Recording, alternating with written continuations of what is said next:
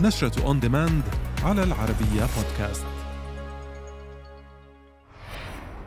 تأكيد موعد عرض No Time to Die في سبتمبر المقبل.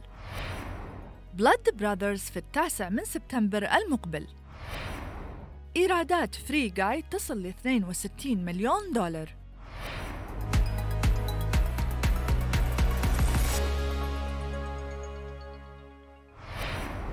نشر الحساب الرسمي لسلسلة أفلام جيمس بوند على تويتر أن موعد العرض الأول للفيلم الجديد من السلسلة No Time to Die سيكون في الثامن والعشرين من سبتمبر المقبل. وجاء الإعلان ليزيل جميع الشكوك في وسائل الإعلام المعنية بالترفيه بشأن موعد العرض الأول والتي ذكرت بأنه قد يتأجل الفيلم مجدداً بسبب زيادة حالات الإصابة بفيروس كورونا في بعض مناطق العالم. مما أدى لتراجع حاد في شباك التذاكر.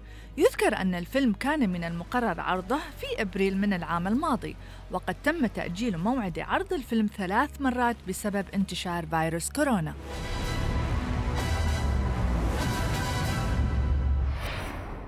أطلقت شبكة نتفليكس العرض الترويجي للفيلم الوثائقي بلاد براذرز والذي سيعرض في التاسع من سبتمبر المقبل.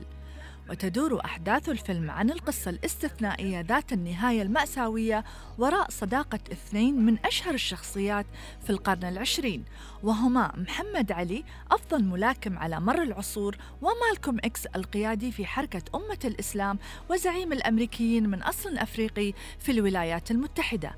وتظهر في العرض الترويجي ابنة مالكوم إكس إلياسا شباز ورحمن علي شقيق محمد علي. وصلت إيرادات فيلم الحركة والكوميديا Free Guy ل 62 مليون دولار منذ طرحه في صالات السينما في الثاني عشر من أغسطس الجاري.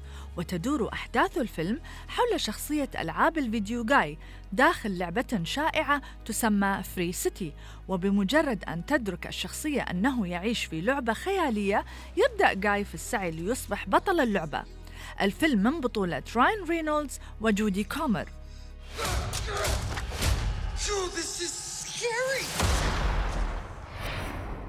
ارتفعت إيرادات فيلم الرعب Don't Breathe 2 إلى 18 مليون دولار منذ طرحه بدور العرض في الثالث عشر من أغسطس الجاري.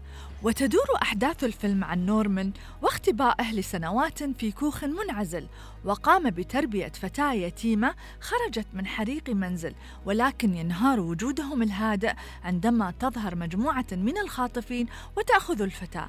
ما يجبر نورمان عن ترك ملاذه الآمن لإنقاذها. الفيلم من بطولة ستيفن لانغ وبراندن سيكستون الثالث.